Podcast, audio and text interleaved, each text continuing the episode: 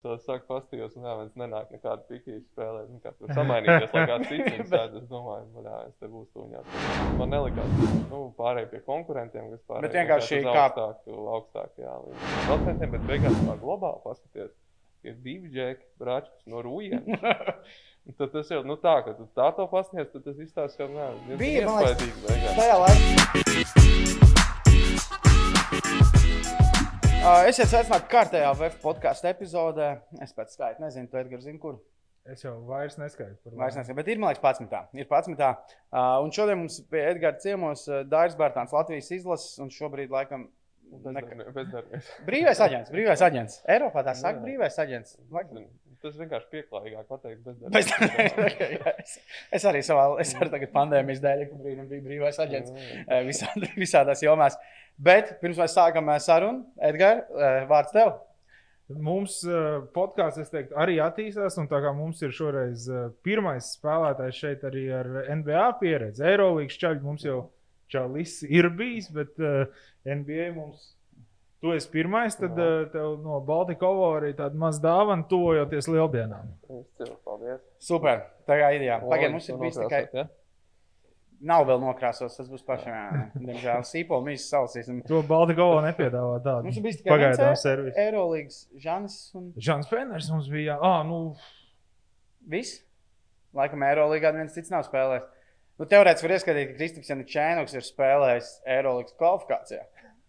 Nu, bet to laikam neskaidrs.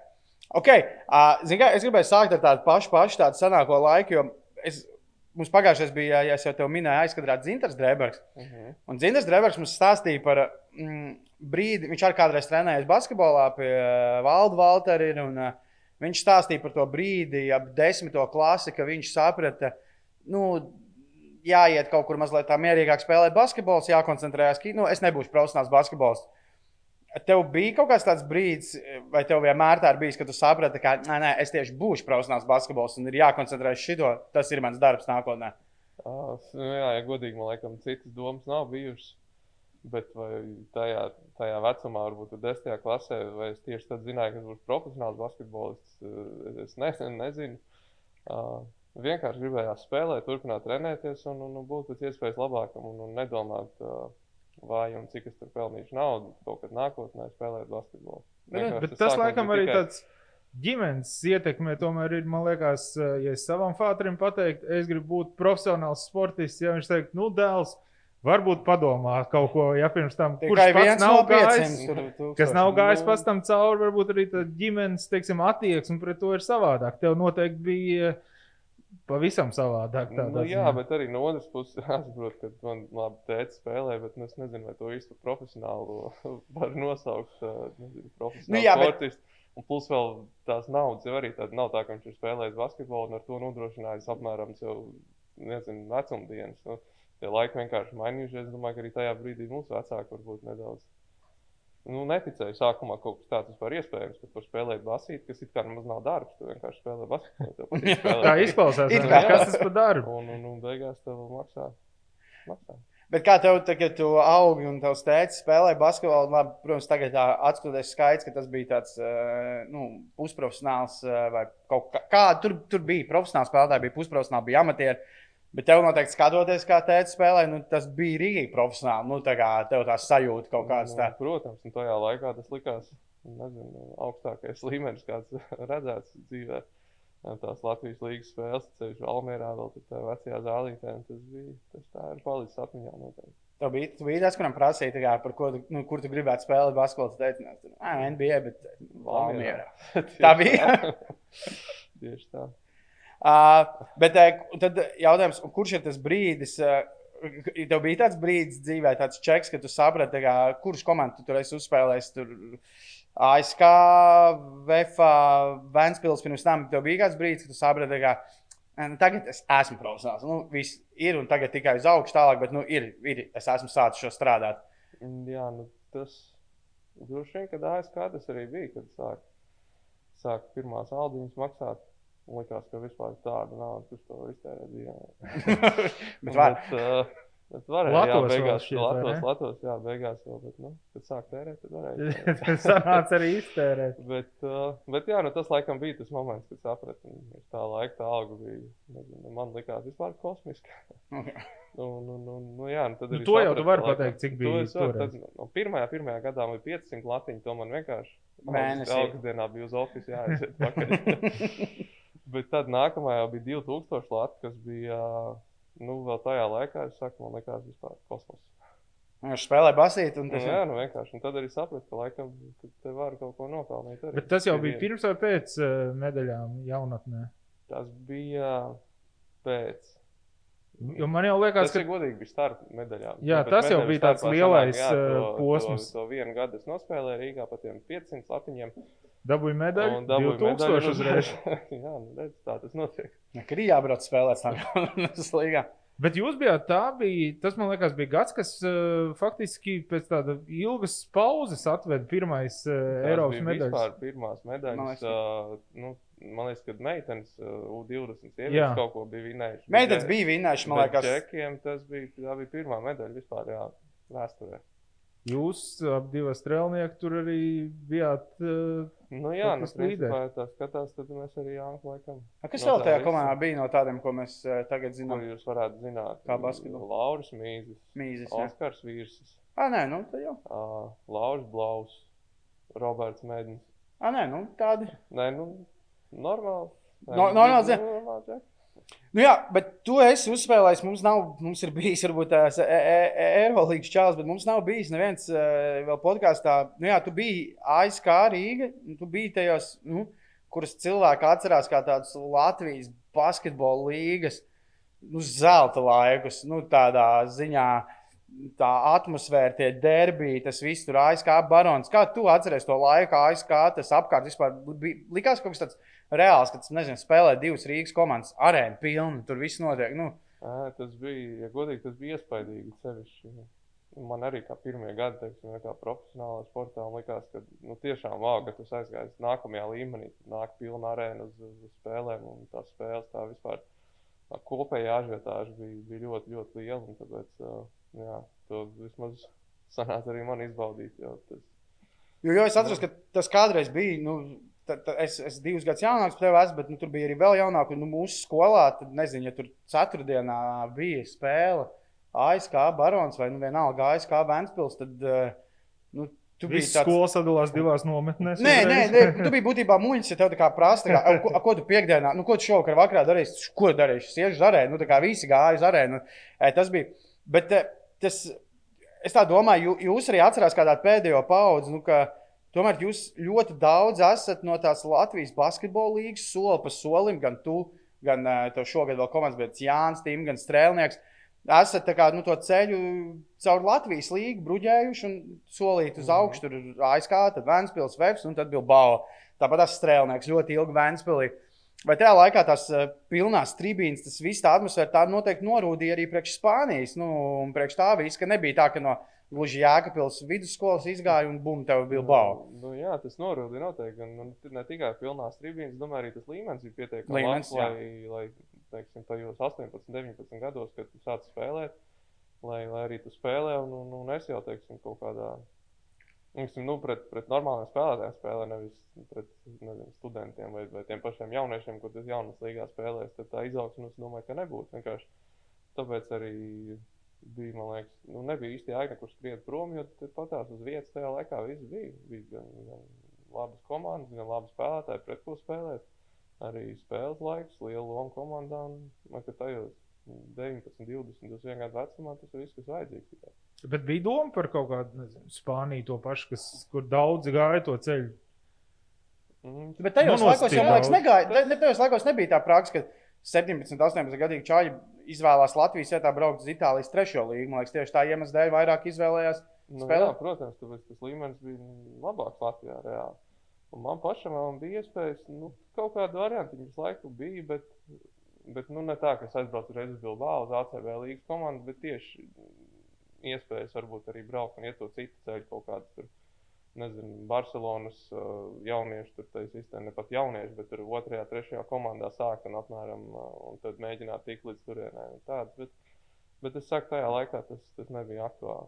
Bet par augstskolu tu domāji kaut kādā brīdī, ja tev jau pārāk ātri bija profesionāls sāku- līgums? Es pat sāku studēt, bet es sapratu, ka, ka nav iespējams to izdarīt. jo Tad, Nu, tad beigās es biju ne, ne tur, ne tur. Nē, nē, es domāju par uh, 100%. NCAA. Ā, par koledžu. Nē, Jā. ā, ja godīgi, tas man liekas, vairs nebūtu iespējams, jo pēc U18 es jau, es jau sezonu biju nospēlējis. Mhm. Būtu jāizlaiž nu, jā, gads, tad, jā. Tas, tad tam nav īsti nekāda, nekāda jēga. Tad, k- kas tev ir no kaut kādiem ASK visiem ir tāds spilgti atmiņā palicis? ā, Kas tev no ASK spēlētājiem, komandas biedriem tajā laikā, kas tev ir kaut kā, varbūt ir kāds spēlētājs, kas ir, nezinu, atmiņā palicis, nezinu, no kā tu varbūt daudz mācījies. Nu, tur tajā laikā izgāja daudz, tur bija arī no leģionāriem. Eģejs Bramlets, Milečs, tur bija ā, arī latvieši visādi. Tādi, kas, tev, no kā tu visvairāk tajā brīdī ļoti jauns būdams ā, iemācījies no šiem ASK spēlētājiem kaut kādu, nezinu. Ja godīgi, tad tas noteikti tie nebija leģionāri, bija Sants Valters. Sāns Valder. Jo es atceros, man kā jaunajam treniņos bija jāskrien viņam pakaļ, un tas bija vispār mūks, godīgi. Tas bija šausmīgi grūti. Viņš bija uz labākajos gados un, un, un skrēja met, un es tur cīnījos, citos caur tiem blokiem. Un, un, un, bet, nu, jā, nu, tas man iedod to pieredzi, un tā es arī mācījos. Tad Var arī viņam teikt paldies uh, par ir, darbu. Jā, nu, saku, man ir tādā ziņā karjeras laikā, ceļš pirmsākumos paveicies tādiem spēlētājiem, kas ir komandā, no kā var, no kā var mācīties. Uh, Viss kaut ko daudz runā par uh, NBA, un tur, tur ir jauno un veterānu lomas, vai Latvijas tajās komandās, nezinu, ko tā ASK bija tā, ka, nu, nezinu, tev kā jauniem spēlētājiem bija, nezinu, uz lidmašīnu, uz izbraukumiem, nezinu, jā, jānes somas vai uz autobusu vai kas tāds, vai tur tomēr bija tā cilvēki. Nu, Nē, nu, tik traki nebija. Jānes nekas nebija, bet nu, vienmēr kāds pajokojās uz zobu, pavilka vairāk. Nu, kaut kāds. Nu, bi- bija Nu, tā. jā, nu, visādi tādi, nezinu, dažkārt kaut kādi melnie jociņi. Bet, nu, es man liekas, biju pietiekami adekvāts, lai man vajag, nu, ne, neaiztikt. Basketbolisti ir tādi ar vismelnāko un visstrakāko humoru izjūtu, kā tev liekas. Nu, ar citiem Ā. sportistiem arī pakomunicējot. Man liekas, ka jā, līdz es uh, Hokejs? iepazinu hokeju. Nu, hokejs, man liekas, ir nē, vispār kaut ir cits līmenis. Vai hokejs tas nāk iepazīt, tu Maskavā dzīvo, cik es saprotu, jūs tur kaut kādā Nē, es tā kā kopā visu. vienā mājā bez mazā. komunālajā. Nē, nu, ir tāds liels komplekss, jā, tur uh, ļoti daudz uh, sportistu, gan futbolistu, basketbolistu. Nu, principā viss tur dzīvo. Bet tur dzīvo arī no tādām, kom- tā kā, piemēram, ā, taču, nu, tajā pašā kompleksā, kur tu dzīvo, gan jau ka nedzīvo strēlnieks no Maskavas CSK vai dzīvo. Nu, nu, blakus reāli mēs Ā, nopietni? jā, nu, minūtes gājienā viens no otra. Bet tajā pašā laikā arī hokejs bija gan CSK, hokejs, gan Spa- Spartak, hokejs, gan, Gan vēl. tur Dinamo hokejs. Jā, tā kā. Ā, nu, zin kā, mums tur nav īsti ko dalīt. Visi beigās tāpatās no rīta kopā aizved sīkos uz vienu dārziņu. Un tad iet katrs katrs uz savu. Jā, komanda. E, Bet par šo, re, kur mēs pieskaramies, tur dzīvoja visi kopā. Kā tev tajā laikā bija? Jo, nu, tu esi pirms VF, un tad jau pēc ASK tev ir sanācis Latvijā spēlēt tajos. Um, nu, labi, tu biji tad jauns tajā brīdī, bet tādos, un sevišķi tajā laikā vēl bija tie derbiji. Nu, tur bija, bija arī trash talks pēc playoffiem, kad tur slēdzam ciet zāli un vispār. Jo, Tas piemēram, ir mums, labākais gads. nu, tas ir. Jā, vai tajā gadā tu biji. VFā tu biji, jā, tas- Un pirmais gads VFā, jā. Nu, vot, un kā bija, piemēram, jo, piemēram, Kristaps Jančēnuks mums godīgi pateica, labi, viņam gan tas savādāk jau tā karjeras otrā puse bija, bet viņš pateica godīgi, ka lēmums pēc gadiem VFā, lai viņš pēc tam atgriezās VFā, bet nu, pēc tās Rīgas komandas tas lēmums braukt uz tiem diviem gadiem uz Vēnspilsnu nebija vieglākais, jo bija tāda sajūta, ka viņš tā kā eh, piekrāpja un brauc uz lielākiem konkurentiem. Bet kā tev bija, kad tu tikko spēlējis Vēnspilī divus gadus? Ja? Mm. -hmm. Jā, un tad pēc tam spēlēt VFā, un tas strāštoks slēdz ciet. Nu, kā bija ā, tā pārējai? Ja godīgi, man liekas, ka es uz to tā neskatījos. Es saku, man liekas, ka tas Vēstures Ventspils nebija tāds derbijs. Nu, labi, jebkurā gadījumā tajā laikā tie jau bija lielākie Nu jā, konkurenti. Bet, uh, bet kaut kā, nu, man likās, ka kurā gadījumā tie pārējie jau nu, tā kā nākamā līmenī pēc Ventspils iet uz Vēstures, ka sevišķi tajā gadā, kad tur jau taisīja spēcīgā komanda, labāk treneri, nosacīt tagad labāk. Par to mēs Un, runājam. Un, un, un, uh, nu, jā, tāpēc es tā. Man nelikās, ka es nu, pārēju pie konkurentiem, kas pārēju Bet vienkārši kā- augstāku, augstākajā līmenī. Jā, tas arī bija tas gads, kad tā nopietnāk, man liekas, kā regulārais čempionāts, tā VTB līga bija vairs nekā turnīrs. Jā. Kā, Un tad skaidrs, ka visu gadu ir spēles. Cits, jā, par šo treneru, kurš tajā brīdī likās labāks. Uh, jo Rimas Kurtināts, uh, tad tu sanāk pie viņa spēlē VF, un tagad uh, nu. Nepilnas divas sezonas Himkos. Tavs treneris varētu tā. Nu, bet tikpat labi, var teikt, Butauts arī. nu, jā. Bet par Kurtinātu, kas ir interesanti, nu, tagad viņš spēlē VFā, un tagad sanāca šeit apgrozīties, nezinu, tur gan parunāt ar Gati Jahoviču, gan visiem. Nu, liekas, kā, tur skarbākais treneris, tur viss stāstīja. Tur mums teica, ka citi varbūt tās arī labāk pēc treniņiem, ja satika viņu zīli, gāja nu, ar līkumu tajā laikā, kad bija VFā. Nu, tā laikam viņš bija tāds. Nu. nu, viņš bija tāds, un tas nav pārspīlēts. Un, un Gāķis man liekas, pat domāja, ka jābeidz vispār spēlēt. Tur dēļ, jā, kad nav šis vajadzīgs viņam. Bet, uh, bet nē, nu, es, es nezinu pat, ko lai pasakā. Kāpēc viņš tā ir izmainījies? Jo, kā nu es zināju, Nu, jā, un pagaid- es eju, nu, kad es gāju uz Hinkiem, es zināju, ko es parakstos. Es zināju, kāda ir komanda, es zināju, ka viņš ir šveicis. Un zinot, kur tināja, kāds viņš bija, nu, tad man liekas, ka ja kāds var savākt to komandu un nezinu, tādu Tad tas ir- tad tas būs viņš. Protams. Tas bija faktiski iemesls, Tas uh, bija, pozitīvais, jā, nu, kāpēc tu gāji. Jā, nu, jā, nu viens no, viens no un, un, un, un es biju ļoti vīlies, teikšu godīgi. Nu, tad, uh, acīm redzot, viņš arī. Bet viņš Jā, ir palicis mīkstāks, jo tas, ko es dzirdēju kaut kādās presēs, runāja tieši saka, visi tā kā runāja. Ai, nē, tur vajagot treneri, kurš, jā, nu, kā, kurš var pateikt tiem spēlētājiem, kurš var likt darīt. Un man bija tāds, tā kā, pagaidi, nu, ja pēc tā, ko es esmu dzirdējis, ja Jā, viņš to nevar, tad Nu, tur jau tā saka, nu, tāpēc viņš, viņš bija ļoti mainījies. Pirmkārt, viņu jau kādu laiku atpakaļ laikam atlaida no kluba, jo viņš bija švedam kaut ko pateicis. mm -hmm. Un nu, kad pirmajā reizē. Pirmajā reizē, jā. Un, un, un pēc tam viņš izvēlējās, ka viņam ir labāk vienkārši nezinu, darīt savu darbu, saņemt algu un, un, un apmēram neārstīt viņu. Bet tad tā, tā sajūta, ka nav tā, ka varbūt tas kurtinājumam ir. Nu, ja, ja tev ir bijis tāds viens stils visu karjeru, un arī tur gan spēlētāja, gan treneru karjeru, un tagad tu esi tā padevies, ka nu, Moškā ir jābeidz trenēt. Nu, es nezinu, ka laikam Moškā nav vairs tas Nu, asums un tā deksme. Nu, jā, nu varbūt. Vai vienkārši tad jātrenē tāda līmeņa komandas, kur, kur nav tādas zvaigznes, un kur viņš varēs uh, visiem nezinu, pateikt, un, pateikt to, kas jāpasaka, un, un, un, un būt tāds treneris, kā viņš bija. Jo, Nu, reāli tas, tas, kas vismaz manā skatījumā, nu, kad tāda komanda kā mums bija šogad, tas bija tas, kas vajadzīgs. Vienkārši viens treneris, kas visus noliek pie vietas. Bet, ja pat viņš to nevar izdarīt, tad kurš var? Pēters Višņevits. Starp citu, nebūtu slikta opcija.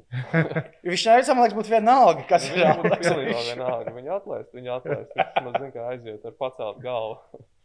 Uh, bet uh, tā kā par Švedu, tas arī, tu zini, ka daudz prasa, kā tur ir spēlēt ar viņu vienā komandā un tā. Bet man vairāk interesē, laikam, kāds viņš ir. Jo es piesakoju viņam Instagramā speciāli, tāpēc, ka visu sezonu tagad nu, tur runā, ka tev tur ir labākais tur uzbrucējs līgā, bet viņš nevar tur palīdzēt izcīnīt uzvaras. Bet uh, kāds viņš ir kā cilvēks? Jo man pēc tā cilvēka, kāds viņam ir Instagrams, man liekas, ka nu, viņš tā kā izbauda to basīti, viņam patīk tur uzmest to strīnīšu. Tad viņam patīk arī dzīve. Viņš tur skatās tā fancy, ģērbjās, fotografējās, hūtēs, melnbaltos karos. Viņš nav tāds, kuram tas arī, nu, tas basīts ir tāds, kas viņam palīdz nodrošināt to, lai viņš vienkārši laimīgs dzīvot un nav tas tāds asums, tur sistēs par tām uzvarām. Jo kaut kā to visu, arī, arī tam kaut kādām tām grimasēm, sejas izteiksmēm laukumā, viņš atstāja tādu, nu, jā, nu, zaudējumu spēli. Nu, nu, nu, visiem tā. Jā, vienalga. Dolāru kontā ierifo tāpat. Bet nu, ir viņam tāda kaut kāda. Tā. Uh, nu, nezinu, nu, viņš vispār tāds pusmākslinieks, man liekas, ir pa, nu, pa dzīvi vispār. Bet tā kopumā, teiksim, nu, ne, ne, neskatoties to, kā, kā spēlētājs, nu, viņš kā spēlētājs, bet uh, kā cilvēks, un tad, uh, nu, pilnībā normāls, mm. -hmm. normāls žeks nav, nu, nav nekāds. Nav tā, ka ienāk ģērbtuvē, pasakā, ka tas ir superstarps, jūs visi pārējie apmēram neko nemākat. Tā noteikti nav. Un tas vienkārši, es saku, nu, tas, kā viņš spēlē, tas viņa spēles ir tādas, tā spēles stils ir tāds vienkārši. Nu, Man liekas, ka vajag kādu, kas viņu ieliek kaut kādos višķiņu rāmjos, un tad, tad arī tā komanda varētu. Nu, jā, jo teorētiski tas ir. Nu, tā, nu, cik sakojot daudz dzīvē līdz basketbolam, ko es saprotu. Nu, nu, viņš bija šogad Eirolandā pēc talanta, nu, top 2. Es gribētu teikt, ārējais uzbrukumā. Nu, tieši top 2. Nu, un, man liekas, ka tev, nu, Maiks Džeims, es gribētu Jā. teikt, ir otrs. Varbūt tas Šēns Lārkins, bet tu tur sezonas sākumā apturēji. Un man liekas, ja tev ir top 2, nu, tad ir, ka, ir jāatrod treneris, kas māk to vai ne pagriezt. Nu, jā, nu, tur jau tā lieta, un es saku, bija. Labi, šo sezonu mums pat netrāpījās tādas spēles, bet pagājušajā bija pāris spēles, kas bija reāli piemērs, kā mums vajag spēlēt. Nevis viņam tur izmet 30 metienus, iemet 30 punktus, un mēs zaudējam, bet bija reāli. viena, kas man palikusi atmiņā, mēs mājās vinējām uh, Madridu bez variantiem, 20 punktiem. Mm -hmm. Un viņš iemeta ar kaut kādiem, nezinu, 12 metieniem, tāpat tās savus 20 punktus, atdeva 12 iespējas, un tā pašā laikā vēl pieciem citiem spēlētājiem bija 10 un vairāk punktu. Un tas bija tāds piemērs, kad rekur, ja tu tā spēlē, tev nevajag, jo tu tāpat tās atradīsi savus metienus, savus punktus savāks. Jā. Un ņemot vērā, kāda mums ir pārējie spēlētāji, ka tu vari atdot to piespēli jebkuram, jebkurš iemetīs to trūņu. Tā kā tur ir savs asists savāks, un komanda vienkārši vinē un spēlē nenormāli labi. Bet tas Bet bija uz vienu Tas bija viena spēle, un tad, tad nākamā spēlē jau likās, nu jau aiziet, sapratām, kā jāspēlē. Tad bija atkal vecais stāsts. Bet komanda pati iekšienē, teiksim, nemēģināja kaut kā savākties pat bez treneriem. Nu, saprotot, ka, ok, treneris redz, dara, ko var vai kā var. Un tas rezultāts ir tāds, kā ir. eh, Nu, bet tad varbūt mēs paši sanākam kopā. Mēs saprotam, ka tā talanta šeit ir ļoti Nu, daudz. jā, Un, to, to viss saprat, bet uh, kā, mēģinājām savākties vairākas reizes, bet tā, viss, tā arī nesavācās. Un tas jau arī bija viens tāds rādītājs, ka, nu, laikam, nu, ka kaut kas nav līdz galam tajā komandā kārtībā. Tieši varbūt komandas iekšēnē. Man baigi, pirms mēs vēl mazliet atliksim apakaļ, mums, bet, nu, ja mēs esam šajā ķīmija tēmā, man interesē, piemēram, arī par tiem spēlētājiem, kas bija šogad. Kāds ir kaut kādam, piemēram, nu, ja tā paiet cauri, jums bija Gregs Monroe šogad komandā.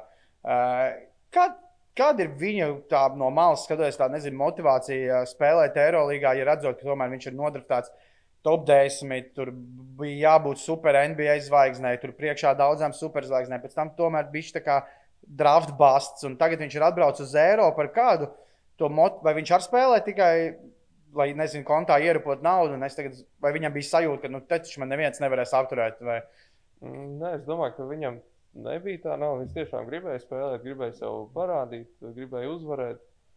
Bet uh, atkal viņš tiešām ļoti labs spēlētājs, labs džeks, bet uh, man liekas, ka viņš vienkārši tā kā mēs spēlējam, kā Himks spēlē, viņš vienkārši mums tā kā nederēja tāds mm. -hmm. spēlētājs, jo viņš arī tāds, viņam vajag daudz bumbu zem groza, viņš ir jāmeklē. Uh, tā kā viņam ir jāspēlē ar bumbu, un tad varbūt viņš varbūt tas, kur kā garais tā ir situācijas citiem. Nu, viņš nav tikai pikāno spēlētājs. nu jā. Un, un, un tāpēc, tāpēc arī tas laikam līdz galam nenostrādāja. Nu, tā viņš tāds baigs. Nu, nu jā, tas laikam priekš mūsdienu basketbolu var teikt, ka viņš ir tas uh, Nu, viedimensionāls. Viņš Nu, tur jā, pagriežās, tas āķis laikam ar bet kreiso. Viņš ir liels, spēcīgs. Nu, tā, nu, es saku, viņš ir pāris spēles. Viena spēle, kurš vecīs nespēlē, mēs CSK vinējām, viņš iemet trīs. Un Jā. tā, Neviens no CSK gariem nevarēja viņam neko izdarīt. vispār. Nu, jā, tā kā, bet, nu, jā, sastāvs jums bija papīri, jo, es nezinu, kā, bet Latvijā, nu, protams, kad pastiprināti sako līdzi e Eirolandes komandām, kur spēlē latvieši, kas ir ā, loģiski, bet tur neviens vēl līdz galam neticēja, ka šī tā sezona beigsies, jo pat tad, kad jums tur bija tas sliktais sākums, tur visi kaut kādi basketbola žurnālisti teica, jā, jā, Himki vēl ieskriesies, Himki būs playoffā. Bija pat pēc jūsu sākuma kaut kas teica, ka uh, es vēl viens no žurnālistiem, ka es tāpat liktu visu savu naudu uz to, ka uh, Himki šogad būs Eirolandes Final Four komanda. Es Nu. Es arī tiešām esmu atzīmējis, tas bija Finsks. Man tiešām liekas, tas ir-. Laikam, kad nevajadzēja, jo nu uz papīra tas sastāvs. Jūs paši arī ticējāt vēl ilgi tam, ka jūs saņemsiet. Vai kaut kā iekšēnē ātrāk saprot, kad ir sūda. Nu tā. Nu, tas vismaz ja man personīgi prasa, man jau diezgan ātri bija skaidrs, ka, ja kaut kas mm, laicīgi, nu, jau nezinu, tur novembra beigās, ja kaut kas krāsa nemainīsies, vai, vai nu, klubs vispār nemainīs, vienalga, vai kāds spēlētājs vai treneris, tad, nu, tad es reāli neredzēju, kā, kā var kaut ko izmainīt. Mm Mhm. -hmm. nu, tas man, man likās jau, ka, nu, pirmkārt, nomainīt treneris tipu vēl. Nu, jā, bet arī tas jaunais treneris, viņš bija, vai tas īstais, kam Nu, nē, nu tagad nu, tad viņi vienkārši ielika. Ielika. Kādu vajadzēja ielikt, tāpat tās Eirolandā jau bija zaudēta. Un, un, un īsti VTB arī, man liekas, nu, zinot vēl tās naudas problēmas, tad man liekas, ka viņi vienkārši viņu atstāja. apmēram. nu, lai Nu, jā, lai, lai, lai. Bet treneris netika mainīts, jo vēsturiski labās attiecības ar klubu galveno sponsoru. Nu, Tā, tā runā. Tā runā, nu, es arī nezinu simtprocentīgi, bet, jā, bet arī pat tagad, kad atlaida kurtināju, tas sponsors esot bijis pret, Pret atlaišanu. Pret atlaišanu. Bet nu, arī sponsoru loģika, nu, padomā, tu dod naudu, milzīgu naudu klubam. Un, un, nu, tas, Viņš jau būtībā ir vienpersoniski investors. 80% Jā. no budžeta. Jā. Un, un klubs nespēlē. Vai nu spēlē tā, kā mēs spēlējām? Ir briesmīgi. Tad tā pašā laikā tu saki, nē, bet treneru atlaist nevar.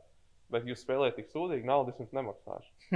Tad, brāvēn, kā nu tad i- izdomā, nu kā, nu tad vai nu mēs turpinām spēlēt, un tu, un tu atstāji treneru, vai tad, nezinu, nomaini treneru, un mēs mēģinām kaut ko uzvarēt. Tas t- tik neloģiski jau nu, tajā pašā saknē.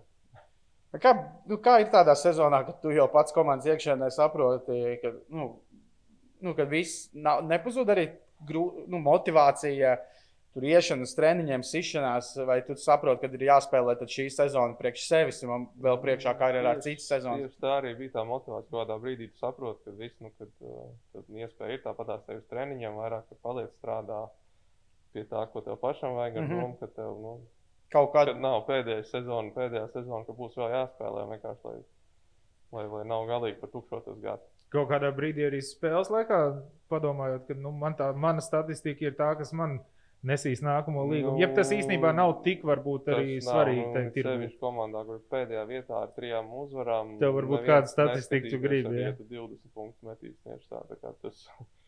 Vismaz es to saprotu. Un, un, un skaidrs, ka tas, ka tas nav vispār svarīgi. Nu, man liekas, ka tie cilvēki, kas izvēlās, nu, nav gluži, kas pērk spēlētājs, tā kā obligāti jau pagājuši gadu ir Jā. 14,3. Bet, nu, teiksim, viena vērtība pēc pagājušās sezonas, un šobrīd eh, tev ir cita vērtība. Kā tu vērtē tajā tirgu? Tas ietekmē eh, spēlētāju vērtību šādas sezonas, lai arī mēs noteikti saprotam, ka nu, tur bija daudz dažādu apstākļu un apstākļu sakritības, kas šiem visiem spēlētājiem šo sezonu tādu padarīja. Nu, jā, noteikti ietekmē. Es saku, viens ir tas, ka uh, visi jau tāpat zina, visi spēlētājs. Nu, kāds klubs meklēs, visi jau zina. Man nu, sapratīs, ka ne, es neesmu tik sūdīgs, uh, kā reāli bija tagad uh, šosezonā. Bet no otras puses, tas arī ir bizness un tirgus. Un tāpat tās neviens nemaksās vairāk, ja var maksāt mazāk. Un tas iemesls arī būs. Un rekur tev bija slikta sezona. Jā, tieši tā, mēs viņu gribam, bet uh, jā, nu, mēs dodam ir, tik. Tas ir pilnībā normāli. un- un- Tā, tā Nu, jā, nu, viņi ir arī pēc tam var spēlēt uz to kārtu. Nu, tu gribi spēlēt šajā Nu, līmenī. jā, tur jau, tur jau tā lieta. nu kā. Tas pats ir otrādi. Komandai laba sezona, tur nāca no labas vietas, un tad, tad klubu būs, kas maksās vairāk. Tā, tā tas vienkārši iekārtojas. Bet es domāju, iedomājos uh, par to, ka varbūt tās tas arī ir tas, kas kurtināja padarīt tādu mīkstu. Nu, ja tu tiec tādā, uh, nu, to vienmēr saka par, uh, kāpēc, piemēram, šobrīd Makgregoram vairs uh, neiet UFC, tāpēc, ka viņš baigā komfortā dzīvo un ka, nu, cīkstonim komforts īstenībā nav labi. Ja pastāstē, visi cīkstoni nāk no ēlas un viņam tās cīņas ir vajadzīgas. Tad tās kurtinājumam arī, nu, viņš jau pats noteikti jau zemapziņā, apziņā apzinājās to situāciju. Nu, jā, mums ir divas uzvaras, prezidents man tāpat negrib atlaist. Nu, kad noteikti. Tu vienkārši atstrādā. Nu tā, ma manuprāt, tas. Man Gregoram vienkārši ir tā viskija rūpnīca. Nu, jā, nē, nu, jā nu, viņš pelna. Nē, bet, nu, wow, fu, viņš pelna milzīgi pīķi. Tad, cik. Latvijā ir tas viskijs? Nē, nu, tā kā tiešām, nu, nekas tāds labāk ar kolu. Tā. Bet labi, atgriežamies mazliet tad, eh, tādā tālāk. VF laiki. Eh, Man būs tāda viena rubrika par VF spēlētājiem, bet eh, mm, jums ir, nu, tu spēlēji tajā līdz šim atjaunotā VF Rīgā. Varbūt tā šī sezona vēl nav beigusies, vēl var izdarīt tādā labākajā sezonā, kur jūs arī Eiropausos tālu aizspēlējāties. Un, um, nu, tur tas pilnīgi pretējais. Kā jums varbūt tās, kas tur saslēdzās, ka tas izdevās, jo nu, atkarībā, atšķirībā no Himkiem šogad. Kur it kā uz papīra viss sastāvs ir, pīķis ir iedots, ir tur zvaigznes, eh, gan NBA, gan Kolums, kas ir Eiropā labi zināms. Tad tur jūs tomēr bijāt, nu, Eiropas kausos visur gājāt kā underdog, gandrīz visās spēlēs. Un kas tur atkal saslēdzās un kas tika izdarīts, kāpēc jums izdevās sasniegt to, ko izdevās tajā sezonā sasniegt? Pirmkārt, man liekas, ka nu, jāsanāk, tā bija mana trešā sezona EFA. Tas kodols bija saglabājies. Ja spēlētāji plus mm -hmm. mīnus jau tur reizes trīs sezonas. Nu, kas tur bija? Janičēnoks, tu, Es, Valters. Valters, Zavāckas. Ah, Zavāckas, uh, jā, un pēc tam trāpīja ar leģionāriem. Parakstīja EJ Roland, kas bija Īsti. nu, tajā gadā izcils līderis, gan spēlēja pats, gan, gan deva citiem spēlēt. Un, un, un, jā, es saku, tā komplektācija komanda bija ļoti laba. Nu, tā kā tā ķīmija. Bet tas arī atkarīgs no tā, kā tu spēlē. Jo labāk tu spēlē, jo vairāk tu uzvari, jo komandā vienmēr būs labāka ķīmija. Mm -hmm. Tā, kā, nu, tā viss ir, vai ne? Tā ir, protams. Un tikko kā sāk zaudēt, ir šausmīgi grūti noturēt to. Jo- nu, viss būtu. Es nekad neesmu dzirdējis, kad klausos kaut kādas intervijas par sportistiem. Nu, kad tu runā par labām sezonām, tu visi saka, jā, mums bija nereāli laba ķīmija. Ja es nekad neesmu dzirdējis, ka kaut kāds čalis, kurš stāsta par nu, Minnesota Timberwolves šogad, un tā kā tur Antonius nāca, bet mums nereāli mēs visu laiku visu kopā nu, laiku. ne, bet nu, tas tā kā iet roku rokā. Nu, ja, ja ir labi ķīmija, tad būs uzvaras, un, ja ir uzvaras, tad tā ķīmija arī paliks. Nu, kā. Bet Un- kurš un pirmais? Nu. Baltika ovalā tematā vistu vai jola, kas ir pirmais ir- uzvara vai liekas, ķīmija? ka Tieši tāds pats jautājums, uz ko mēs nevarēsim atbildēt. Jo uh, Nu, jā, tā ir. Vai ne arī noteikti kaut kā mazāk gribās? Nu, tāpēc jūs esat nu, visi to uzsver, uzsver ka basketbols nu, ir uh, kā ģimene, nu, komanda. Nu, tad, ja ir uzvaras, tad tas ir nu, mazāk kašķīši. Negribās vienam otram kaut ko piesēdēt. Nu, jā, tā, nu, tikko kā sāk zaudēt, tad sāc meklēt kaut kādas problēmas. Man te par dažiem VF tā laika darbiniekiem tādi īsi jautājumi, nu, kas beigās cerams, ka nebūs tik īsi, ka tev būs ko teikt. Um, Reinslāts ieteica daļu, es biju pats iedomājies, daļu ieteica Reinslāts. Es tev nosaukšu kaut kādu spēlētāju, kas viņam tagad ir noticis ar dzīvi. Vai tu tajā brīdī, kad spēlē VFā, varētu iedomāties, ka wow, tas būs tas? Un pirmais ir, vai kad viņš bija tavs komandas biedrs, tu varēji iedomāties, ka Gats Jakovičs būs kaut kā kluba prezidents. Atstāja tādu iespēju. ja godīgi, tad vispār, tad vispār nē. Un par ko man bija diezgan liels pārsteigums, kad es uh, uzzināju. Kur tu viņu redzēji nākotnē? Nezinu, pokerstārs turnīros. Bet ne pa klubu prezidentu. Okay. Tālāk, jā, īstenībā šo, šo es arī domāju, un arī parunāsim mazliet par tevi, NBA. Bet nu, tajā laikā, kad tu spēlēji VFā, Andrzejs arī bija VFā, un nu, tur mm. nāca visādas lietas, ka nu, tas ir. Tur, Čalim ir uh, grūti, nezinu, tur laukumu noskriet vai ko. Nu, visāds, protams, tas ir viss, ko no malas sadzirdēju, bet uh, Vai vispār iedomājies tajā brīdī, kad labi, tagad ir ārpus NBA, bet tas ir čalis, kurš izsitīs līdz NBA vietu? Mm. Vai varēja redzēt kaut kādu to potenciālu? Ja godīgi, tad tieši tajā gadā nevarēja dēļ tā, ka tu, ka, ko tu teici tieši, nu, ka viņš bija tik Fizis, fiziskais, bija tik, tik, tik švaks. Bet, uh, Bet varbūt pēc tam, ja viņš aizgāja uz Kanārijā, un pēc tam es viņu redzēju Spānijā spēlējot, tad es biju patīkami pārsteigts, ka nu, tā, tā fiziskajā viņš vienkārši nobriest, varbūt vēlāk, nu viņš vēl bija jauns. Jā, jā. Un, un, un tad jau pēc tam es skatījos, teicu, ok, tad tomēr te varētu būt. Tev ja? ir bijis kāds tāds spēlētājs, par kuru, nu, redzot viņu jaunatnē vai jau kad pavisam karjeras sākumā, tev liekas, nu šeit būs kaut kas liels te ir jābūt eh, mega zvaigznei, un ka beigās tā karjera varbūt tāda nemaz neizvēršas. Ja godīgi, es nevaru, nevaru iedomāties nevienu. Nu, principā jau kā, no tā skatoties, man liekas, no tā mūsu 18 mēs dabūjām trešo vietu.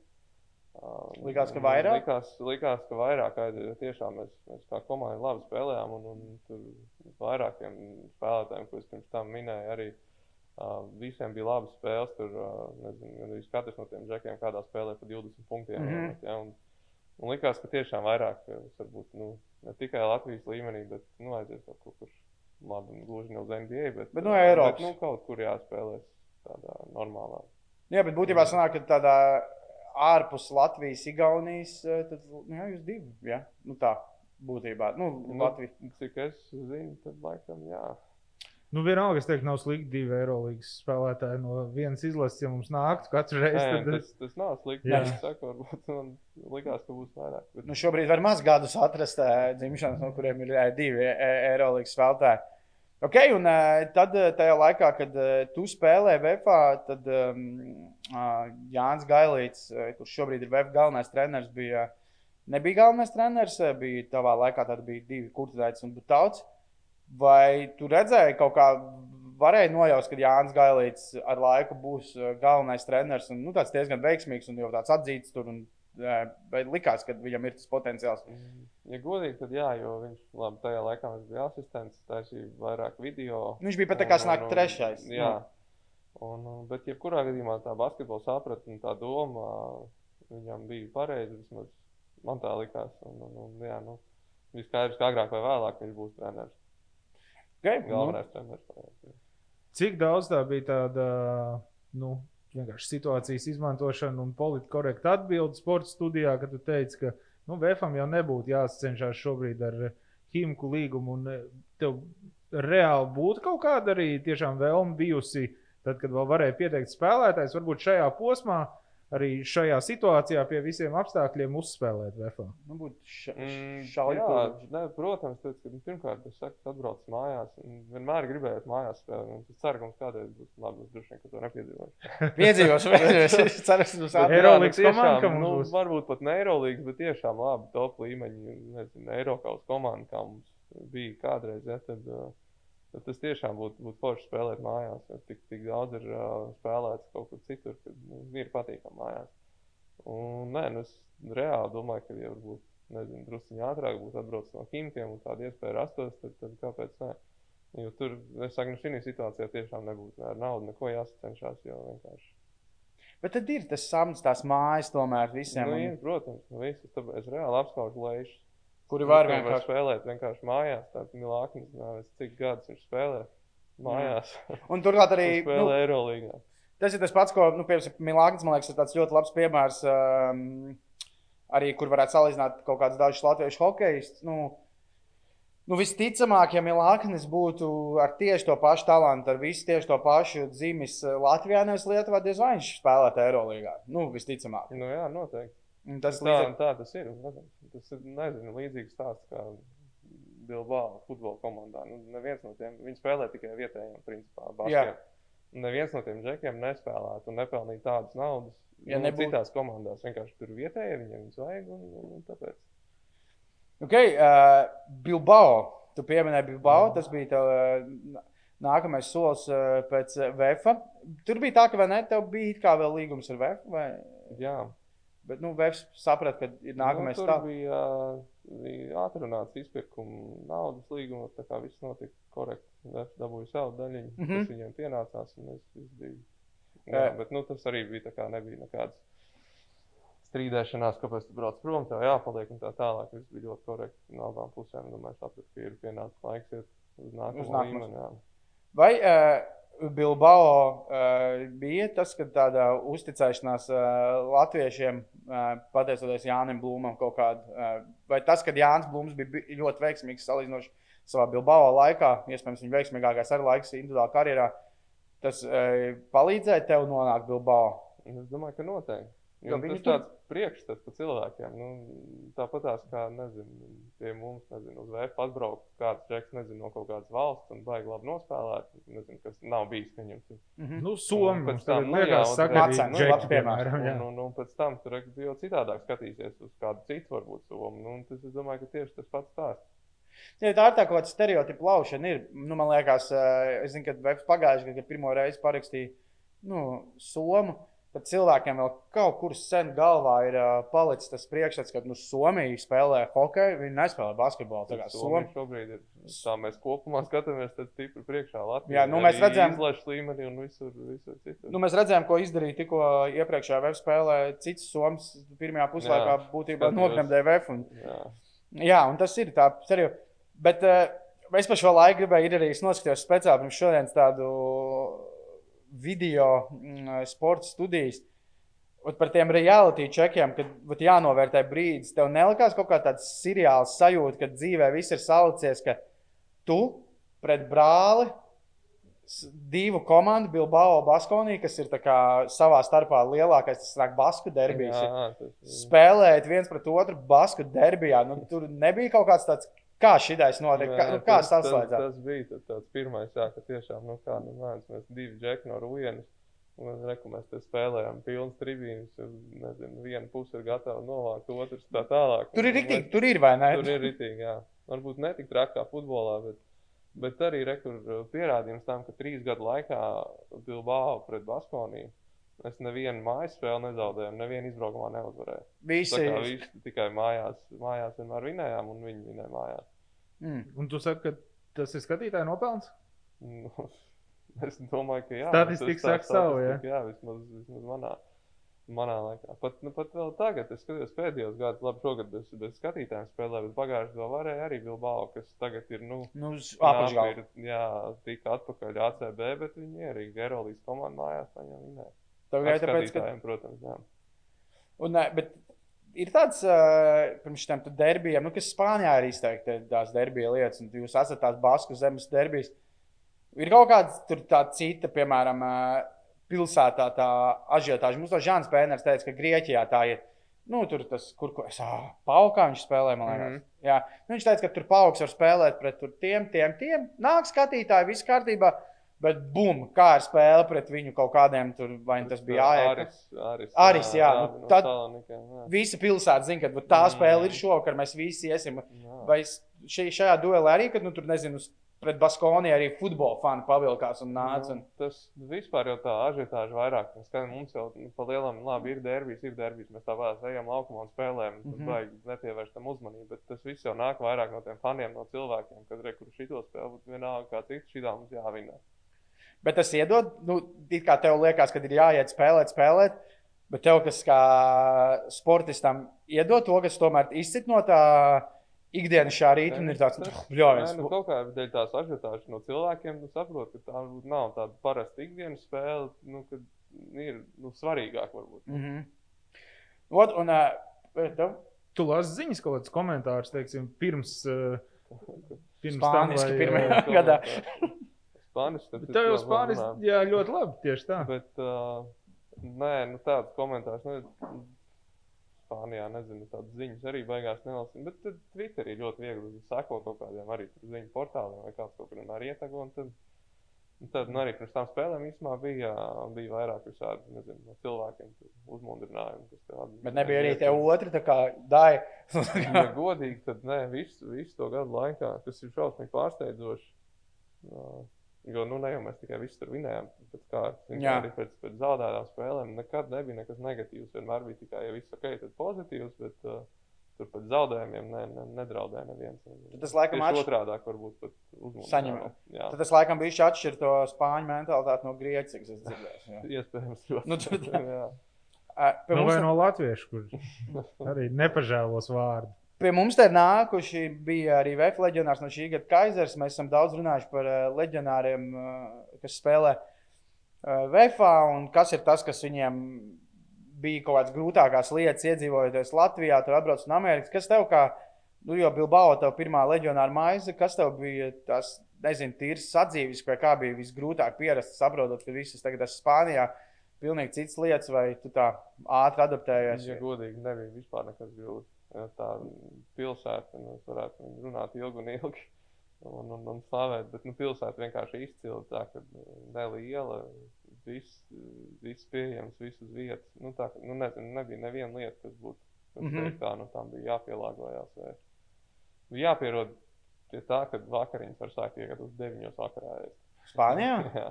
Kāpēc? Un vienkārši nē, cilvēki ātrāk vakariņas. Nu, Ah, ok. nu, restorāns strādā pusdienās, nezinu, Un no, tad div, no diviem līdz četriem, kas tam ir ciet, un tad tu septiņos bija jāsarunā apmēram. Var lūdzu nākt septiņos vakariņas pārējais. Oh, wow. Astoņos varēs vaļā cilvēki. Mierīgi deviņos atnākt. Man Nesteidz. bija īstenībā milzīgs uh, pārsteigums redzot uh, pēc kaut kāda gana neilga laika tavas intervijas uh, spāņu mēdījiem un kā tu runāji. Kā tas notika tik ātri, kā tu jā. Mm, pirmkārt, cik es saprotu, man laikam tā kā viegli ķerās tās valodas klāt. Nu, es diezgan ātri iemācījos. Bet pirmais bija tāds, ka uh, komandā īstenībā viss notiek gan spāniski. Protams, tur īstā stāsta sākumā tur iztulko, nu, pirmos, tur, nezinu, pāris mēnešus, bet nu, tu jau reāli iebrauc tajā, saproti, ka te viss notiek spāniski. Un otrais bija tas, ka uh, tik šausmīgi daudz cilvēkiem ārpus basketbola sanāca tajos pašos restorānos vai vienalga, visur, kur tu aizēji, visi nāca komunicēt, un angliski tur neviens nerunā. Un tad es sapratu, kā, lai tā pavisam izbaudītu to visu, to visu atmosfēru un visu, kā tur ir dzīvot, tad vienkārši jāiemācās. Nu, kurš paņem pāris, pāris privātas stundas, tad pēc tam vienu grāmatiņu izlasīju, un tad reāli sāk vienkārši runāt. Un, un viss, un es jau, nezinu, pēc pirmā pusgada jau varēju normāli Oh. Normāli parunāt. Nu, tādiem Spāņu vien- valodu divās nedēļās un teikumiem. aiziet. Nu, apmēram- Trīs mēnešos. Jā. Turku un itāļu valodu arī mācījās. Turku noteikti nē. Super viesmīgi, bet itāļu ne tik labi kā spāņu. Bet, uh, Pasūtīt restorānā varētu. Nu, jā, tas ir mierīgi. Viņi arī diezgan līdzīgi spāņu valodā. Mm. Bet jā, tas, ko es gribēju noteikti šodien parunāt, Bilbao laikā paralēli eh, spēlēšanai Bilbao vasarās, tu brauc uz NBA vasaras līgu. Uh, par ko mēs šeit neesam runājuši. Mēs esam ar Kristēnu Zoriku runājām par, kas ir koledžā spēlēt, kā tas ir spēlēt. Mēs ar Kaiseru runājam par gālīgu. Kas ir vasaras līga, kas ir tas pa fórumu, kā tur tās komandas novācās, vai tas ir tāds sajūta pēc tam sasniegta, tas ir mazliet kā pick-up games. Var pastāstīt uh, tā cilvēkiem, kas ir vasaras līga, kā tas izskatās, kā tur jūties, kā spēlē. Nu, jā, nu, principā vasaras līnija pirmkārt uh, komandas liek iekšā savus draft uzreiz, Nu jā. ko viņi ir paņēmuši, un cik tur katrai komandai pa diviem, trim. Divi, trīs maksimums, četri. varbūt. Varbūt pieliek klāt kādu otru gadnieku, kas varbūt sezonas laikā nav tik daudz spēlējis, un, un pārējos, godīgi, tad salas no, no, no brīvajiem aģentiem. Jo man liekas, ka tur tīri teorētiski ar līgumiem nemaz ne. Laikam, kad nē, tur ir kaut bija, bet līgumi. man arī speciāli taisīju atļaujas sev atsevišķu apdrošināšanu, ka, nu, tāpēc es, tāpēc es tur braucu. Un tā arī savās tās komandas no plus mīnus tiem spēlētājiem. Man liekas, ka tas nav, uz vasaras līga tik nav baigi sarežģīti. Mm. -hmm. Nezinu, aģents ir ar Tas telefonu. vienkārši jāgrib arī, Jā, tad viņam var- ir nu, telefons, Visi, ja tad- viņam ir telefons, tad, tad, tad To var vēl- izdarīt. Nu, ja tu arī neesi, nu, nezinu, tu diez vai. Nu, jā. Jā, bet Barbaks gan. nu, jā, un tās spēles īstenībā tā tāda. Tas treniņu process pirms tam ir diezgan interesants. Daudz jau var mācīties, apstīties, kā vispār kā notiek NBA, kā viņi trenējas, kā viņi strādā. Bet tās spēles ir diezgan liela gaļas mašīna. Nu, jā, tas- Reāli tev jācīnās ne tikai par pretiniekiem, bet arī ar saviem, saviem komandas biedriem, nosacīt komandas biedriem. Jo, nu, no tiem spēlētājiem, varbūt, kas nav draftēti kas tur aizbraukuši un grib tikt eh, tā uz, uz, uz NBA līguma, ar vasaras līgumu, tad nu, viens varbūt no komandas tiek, nu arī labākajā gadījumā. Nu, man liekas, reāli tā papētīju, pat- ka viens no piecām komandām. Nu, jā, un, un, un tas nu, tā konkurence tik liela, un tev ir šausmīgi labi jau jāparāda. Tas nozīmē, ka tajā brīdī tu sāc spēlēt jau arī pret saviem komandas biedriem. Tā faktiski tā, tā kā nu, braukt zelta meklēt kaut kur. Jā, Varbūt bet, nu, kādam paveiksies. atkarīgs, Kā, kurā komandā? Nu, man paveicās, tas bija Bostonā un San Antonio, kas reāli arī vasaras līgā un jau tajās, teiksim, tajos treniņos un tajos spē, tajās spēlēs jau mēģināja ielikt iekšā to, ka, nu, ka nav, mums nevajag, lai viens džeks paņemtu bumbu un dragā tagad jau mm Mhm. -hmm. 30 punktus, teiksim, jau arī ielikt iekšā to, to spūžu kultūru, vai, ka, nu, ka viņiem ir svarīgi, lai tā komanda spēlē, dot tās piespēles un, un tā tā. Bet esot Bet, tur, cit- jā, bet tajā- komandās bija. Vienkārši. Kā, tajās spēlēs, tas sapnis bija dzīves, kad tev likās, ka bet varbūt tieši es būšu tas viens. Nu, tur kaut kur. Jā, protams, ir sevišķi San Antonio otrajā gadā, jo es sāku izcili pirmajās divās, trīs spēlēs. Es garām nevarēju aizmest. Atceros, ka uh, pirmā spēle bija pret Sixers. Un bija draftēts ar trešo numuru tieši pirms porziņa, man liekas, uh. Jā. Un, un, un tai bija jābūt viņa pirmā spēlē, kur viņš teica, parādīs, kāds tur ir tas drafts, trešais piks. Pēc tam ziņās rakstīja par maniem tikai. Nu, kā, Mēs arī. nu, jā, jo viņš tur neko, nezinu, es tur biju samets. Un tad jau likās, ok, nu, kā, te vēl pāris, pāris spēles šitām, tad, tad būs ok. Bet kaut kā vai nu iekšēji viņš pāri pats sapriecājos, vai bija tāds tas excitements, ka, nu, ka tas reāli tik tuvu, ka pēc tam ā, pēdējās spēles atkal bija nosēdos. Mm -hmm. Jo, jā, pir, pirmajā tajā piegādā tev bija rīktīgi maz spēles laika. Nu, tajā, nu, salīdzinoši ar otro Jā. Nē, piegājumu. nu, pirmā arī bija tas, nezinu, es to vidīju redzēju, ka tikai trīs spēles nospēlēju. Trīs spēles, jā? Kur man uh, nu, ietriec tajā grozā, uz nestuvēm un es Ah, malā. jā, pareizi. Es biju aizmirsis Jā, šo. jā. Jā. Pareizi. Tā- Es tieši domāju, ka pēc trīs, jā. Jo Jā. otrajā gadā tev, man liekas, kaut kas seši. Jā. Un, uh, bet uh, tas jautājums man likās vēl par tiem jūsu spēlētājiem. Nav arī tāds mazli, mazais uzdevums tā kā tiem pārējiem, kas ir tur no malas savākti. Būtībā jūs esat uh, palīgi, būt, lai šiem Džahīliem, Okaforiem, tajās viņa pirmajās spēlēs palīdzētu parādīties, izskatīties, nu, ir pareizais drafts jā, izdarīts. nu, kopumā tā arī, protams, tās komandas arī grib. Nu, tāpēc, kā tu teici, parādīt visiem, re, ka mēs viņus esam nodraftējuši. Tad jāparāda, ko mēs Jā. esam nodraftējuši. Uh, tāpēc es, nu, jā, tas bija cik, teiksim, spūrs tajā laikā nebija. Man liekas, vispār draftā viņi nevienu nepaņēma. Vai, nu, kā parasti viņiem bija otrā Nu, raunda. kaut kāds pika, kaut 50 to kā- numuru, kas nu, jā. tagad noteikti met 20 punktus. un, un, un, jā. Un tur tas nebija tik izteikti. Varbūt uh, nu, viņam nevajadzētu parādīt, ko viņi tur paņēmuši. Tāpēc arī bija vieglāk tur spēlēt. Bet bija jau versija arī par vēl vienu vasaras līgu, vai ne? Mm, bija versija tagad uh, pēc pelikāniem. À, kad paliek. Man bija uh, nu, jā, uh, vēl tā kā līgums uz nākamo gadu ar klubu opciju. Un ar domu, ka nu, tad vasarā braukt tur trenēties, spēlēt. Un, un tad, tad palika uz to nākamo gadu. Bet nu, tur viņi dabūja pirmo piku, pirmo izvēli. Sapratu, ka viņi tur grib būt big time. Nu, Nu, pagaidām. labi, tas ir varbūt, eh, saprotams. ja mēs esam tajā Ziemeļamerikā, tad lecam uz, eh, uz to posmu. Tu tomēr nonāci NBA. Un tas man šķiet, eh, nu, šeit tas visiem bija pārsteigums, jo tas nav tāds parastais ceļš, kā, kā spēlētājs nonāk tur pastāst varbūt par to brīdi. Pirmkārt, jau man liekas, tas viens brīdis, kad uh, tavs brački ir uh, precīzākais trīs punktu metējs NBA. tu esi precīzākais Eirolandā, un es domāju, ka ir viens cilvēks, kurš ir lepnākais tajā brīdī pasaulē, jūsu fāters, vai ne? Jā, noteikti. Bet, uh, tas tāds vēl viens reality check, ko mēs pirms tam runājām. Ja mēs tur Bilbao Baskonijā spēlējām, tas jau bija tāds viņš jau, nu, kā no vienas puses apties, nu, labi, kas tur ir. Nu, Labi, met, kā, mēs normāli trūņķus metam, ok, tad ir 50%, bet beigās tā globāli paskaties. Ir divi džeki, brāčkas no rūjiem. Tad tas jau nu, tā, ka tu tā to pasniedz, tad tas izstāsta, ka nē, tas bija iespaidīgi beigās. Tajā laikā bija raksts, kur izrēķināja, nu, tā kā, ja salīdzina, cik rūjienā ir iedzīvotāji un cik rūjienā ir Eirolandes un NBA spēlētāji, vai arī jūs abi bijāt NBA. Jā, un, nu, jums tur iedzīvotāji bija vairāk kā Kalifornijas. jā, tā, nu, jā, bet tev pašam tas bija pārsteigums, tā nokļūšana NBA, vai tas jau bija salīdzinoši, tomēr tas process gāja uz to. Es neticēju, ja teiks, ka nebija pārsteigums. Nē, nē, godīgi, nu, neliels pārsteigums, protams, bija. Nebija tā, ka mēs tur divus gadus tur apmēram nezinu, būtu runājuši, viņiem tur mēģinājuši tikt. Tā noteikti nebija. Bet, nu, kā es pirms tam biju kaut kad intervijās teicis, Pelikāna vienā no tām komandām, kas kā, visu laiku ir sekojuši līdzi, mm -hmm. ik pa brīdim esam sazinājušies, tur kā iet un tā tālāk.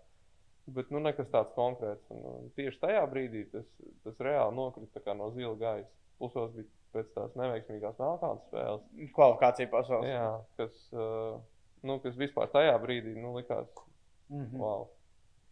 Bet, uh, es, zinu, es par to vispār domāju. Man ka arī ūdens zaļos Arthurs Šēns pieminēja, ka tā īstenībā ir NBA lieta. Ka pa visiem darījumiem, arī par tiem skaļiem darījumiem, ziniet, tuvojās trade deadlines. Visi runā tā kā, oh, tur, kur to aizmainīs, kur to aizmainīs, kur šito aizmainīs. Tos parasti nekur neaizmaina. Parasti tās maiņas notiek par to, ko vispār nerunā. Tu vienā rītā piecēlies, kā bum, tas ir aizmainīts. Un, man liekas, tavs gadījums bija tieši tāds pats. Tur nekur Latvijas mēdījos neparādījās, ka, oh, Bērtāns tur var būt, būs Pelgāns. Tiešām, nu, man liekas, tu no rīta iegāji sporta centrā. Tā kā, ah, Dārzs Bērtāns Pelgāns. Kā, kā tas, nu. Nu, nu, kā tev bija? Tev aģents piezvanīja droši vien, jā? Ja, ja jā, nē, nu, mēs komunicējām. Visu laiku viņš ar viņiem komunicēja. Tad tā, ka re, ir tāds variants, diezgan reāls. Un es tā parasti teicu, nu labi, nu, ok, nu tad Nezinu, tā kā būs līgums priekšā, tad arī tas būs reāli. Nē, nē, šis, šis, šis, šis būs. Saku, okay. Tad kaut kāds pāris dienas vēl bija klusums. Es domāju, nezinu, kā parasti. Bet beigās nē, viņš man saka, tieši gulēja uz galda tetovējumu taisīja. Telefons rokā raksta. Ir sarunājām. Tu redzēji, citu logo man, citu logo zīmējumu. Sāp un vispārējo. Neko. Tad nu, tā arī ir, nu bija. Un Cik ātri tev bija jāierodās? Tur jau no tā nu, izziņas brīža. Nedēļu čakarējos ar vīzu, kamēr es dabūju. Bija no Milānas jābrauc mājās, jo vīzu varēja tikai Latvijā. Latvijā. Amerikas vēstniecībā. Jā. Un, un, tas arī tur kaut kāds brīvdienas tieši trāpījās starpā. Tur vēl pēc tam tur, tur šausmīgi daudz papīru vajag, nu, kā, lai to darbu vīzu dabūtu. Tur viss jau zvana, tu būsi vai nebūsi. Laika starpība. Viņi tur ceļās astoņos no rīta, jau ir četri vakarā, tur nepaliek baigi daudz laika, tur, lai tiktu. Nu, tur tas reāli gan iznedēļ aizņēma. Un, uh, bet uh, tur, nu, tas noteikti arī atņem tev, tu nospēlēji 12 spēles, bet, nu, kā bija ar kādu domu, tu tur brauc, kā, protams, ka cerība, ka tur paliks vēl ilgāk, bet sākums tas galvenais bija, bija tāds, nu, viss ir dots tagad, cik ir, tajā brīdī 29 gadu, vai ne? Man liekas. Nu, izbaudīt uh, visu to, kas tur ir dots, vai sanāca pabaudīt, vai visu laiku tomēr dzīvos tādām adatām, ka ne, jātiek arī uz nākamo gadu. Vai tieši es, es saku, es arī nu, tajā brīdī nu, reāli domāju, ka cilvēks tas nebūvēja nekādas ilūzijas. Tur tagad, jā, nu, pirmais un svarīgākais bija sev pierādīt, ka es, mhm. tur, ka es varu tur atrasties un es varu tur spēlēt. Nav tā, ka uzlaiž laukumā un viss pret maniem tur samet 20 punktus uzreiz, un es, tā, es neko nevaru izdarīt. Jā. Un, un otrs bija arī, jā, tiešām tik cik es tur būšu, jo, nu, nevarēja zināt, cik ilgi, tad reāli izbaudīt to, to visu atmosfēru, to procesu un visu, kā, kā tas tur notiek. Un tas izdevās. Ar nelielu vis... mazumu piekāpšu. Nu, nu, tu iegāji ģērbtuvē, tā tad kas tālāk? Jā. Pirmā diena. Neko, es pat neatceros. Neko, vienkārši iegāju ģērbtuvē, es sasveicinājos visiem. Es zinu, ka es aizlidoju, tur un viņiem bija spēle tieši uzreiz, es taisnā braucu. Nu, gan nespēlēju, protams, bet, bet tad pirms spēles ar visiem satikos un stādījos priekšā. Un tas bija arī tāds jūka laiks, tā Pelikāns komandai. Nu, jā, jau, jau Deivis bija jau paziņojis par to, ka viņš grib tikt aizmainīts. Spēle nāca ar uzrakstu Fox. tas bija pēdējais. Pēdējā spēle. Mājās bija pēdējā spēle, jā. Bet, nu, kas ir tā lieta, labi, protams, es saprotu, tāpēc es nācu kaut kādos raidījumos ar tavu brāli runāju. Protams, ka tur tie treniņi ir savādāki, attieksmi, garas sezonas. Tur, eh, bet kas bija tas, kas tev laukumā tādā, nu, šokēja, varbūt tās vai tā sajūta, ka tu saproti, ka, ok, ja ši, šitais ir NBA. Es nu, saprotu, kāpēc šie čāļi spēlē NBA. Nu, tas, ka, nu, tas arī par ko viss runā, tas, tas ātrums, atletisms un, un, un viss pārējais. Jo, nu, tas nevar tā, ka aizskries un tagad, nezinu, tavs džeks kaut kur stūrī stāvēs, kā cits spēlēs, tad nu, kaut kāds bija mierīgāk. Tur vienkārši reāli arī tā arī ir up and down visu laiku. Un viņi var maukt. Ja? Un mauc, neapstājās, un tas viss skrien liekas, kā mēs būs kaut kāda pauzīte. Mm. Labi, ka tas tur- saņa bija tev Nu, patrenējis. jā, tā jā, jaunībā. tāpēc es tieši domāju, vajag labi, jā. Vismaz, kā, ja Sandim varēja līdzi izskriet, tad te arī tikšu. Bet uh, nu, ir spēlētāji, kas saka, ka kur uh, NBA ir vieglāk spēlēt nekā Eiropā. Ko tu par to uh, komentē? Vieglāk nosacīt, man liekas, tādā ziņā, ka viņš ir brīvāk, tas viss ir regulārā sezonā. un Tā baigi, nu, ja tev kāds iemetīs divus punktus, un treneris nestāvēs uz sarkanu seju malā un nebļaus virsū, ko tu dari? Nu, kā, tāds viņš ir vieglāk, tas viss tiek uztverts. Tomēr par katru zaudējumu, par katru Nu, cilvēku gatavu zemē iedzīt. Man liekas, arī tā lieta, kas tur Amerikā tiek ieaudzināta, ka vismaz arī redzot to, kā tur spēlē, kā amerikāņi pēc tam spēlē mm, Eiropā. Tur arī mazāk, mazāk stresa par to sarkano seju, to, nu, tur nav tā, ja tu esi Demians Lillards un tu esi aizmetis, nezinu, 2-18 Portlands spēlē, 1, 4, 4, 4. Tas treneris tāpatās arī tajā spēlē, beigās viņš dos bumbu, tu esi tāpatās Demians kā. Jā, nu, protams, met, tur, nu. tur mazāk nozīme tiem treneriem. Nu, viņam galvenais uzdevums ir tiešām savākt tos spēlētājus kopā, ļaut viņiem kā, nu, izmantot savu talantu un kaut kādā tādā veidā vadīt to spēli. Nu, kas Eiropā ir pilnībā pretēji. Nu, reāli ir treneri, un pat vajag treneri. Nu, tad sanāk, ka uh, Himki faktiski tev bija tāda NBA komanda. Nu, tur viņi arī daudz spēlētāju ziņā nu, bija. Jā, bet nu, redz, nu, tas tāpat tās treneris nebija ne stingrs, ne arī mācīja atrast to, to, to pareizo. Kā. Kur Kā mums- faktiski kā mums tad, uh, tur uh, gan tā uh, nu, spēlētāja individuālā meistarība, gan arī tas basketbola IQ, kur tur saproti, nu, kas tad mums ir jāizdara tajā laukumā. Jo skatoties no malas, liekas, NBA nu, biežāk. Uh, Treneris stāsta tādas bezmaz vai motivējošās Nu jā, lietas minūtes pārtraukumā, nevis zīmē nu, kombinācijas. Vairāk ir tādas, teiksim, kaut kādas jau atstrādātas lietas, kur, kas būs visās komandās. Jebkurā komandā tu aizies, tur būs, nezinu, šī saucās, tur, nezinu, tāds bloks, aizmugurējais bloks, šitā. Nezinu, tur kaut kāda sadarbība apmēram. Viņš tam plus mīnus viss ir uh, viens un Mm. tas pats. un Tāpēc nav tur treneris nedomā kaut kādas trakās sadarbības un vēl kaut ko. Un es saku, tāpēc viss, principā, visas komandas viss spēlē vienādi. Tad arī tie ir labāk, kam ir Bet- labāk tā, nu, nezinu, lielāks talants komandā varbūt. Un, un, un, Jā, šeit tas jautājums, par ko man ir sanācis tur ē, cilvēkiem, kas tur saka, nu, tur Eiroli strīdēties. Ka, bet ir arī tā, ka tās eh, kombinācijas trakākas ir vajadzīgas mazāk NBA. Tāpēc, ka, kāpēc, piemēram, Kevinam Durantam vajag nereāli sarežģītu kombināciju? Viņam nevajag iedot viņam bumbu, viņš ieredzēs divreiz un iemetīs. Jā, tā kā, man liekas, tas ir tas- Par to atletismu arī mēs ūdens to pieskārāmies. Man liekas, tas tāds, eh, kas forši pierāda to, cik atletiski ir NBA no tādam cilvēkam no malas. Šitā All-Star spēle. Nu, ja mums tur ir tagad, tur Eiropā tie, kas ir tur Kaisers, Meta Almanam, tur Vefā Danks un liekas, Bjorns Almans ir tik atletisks.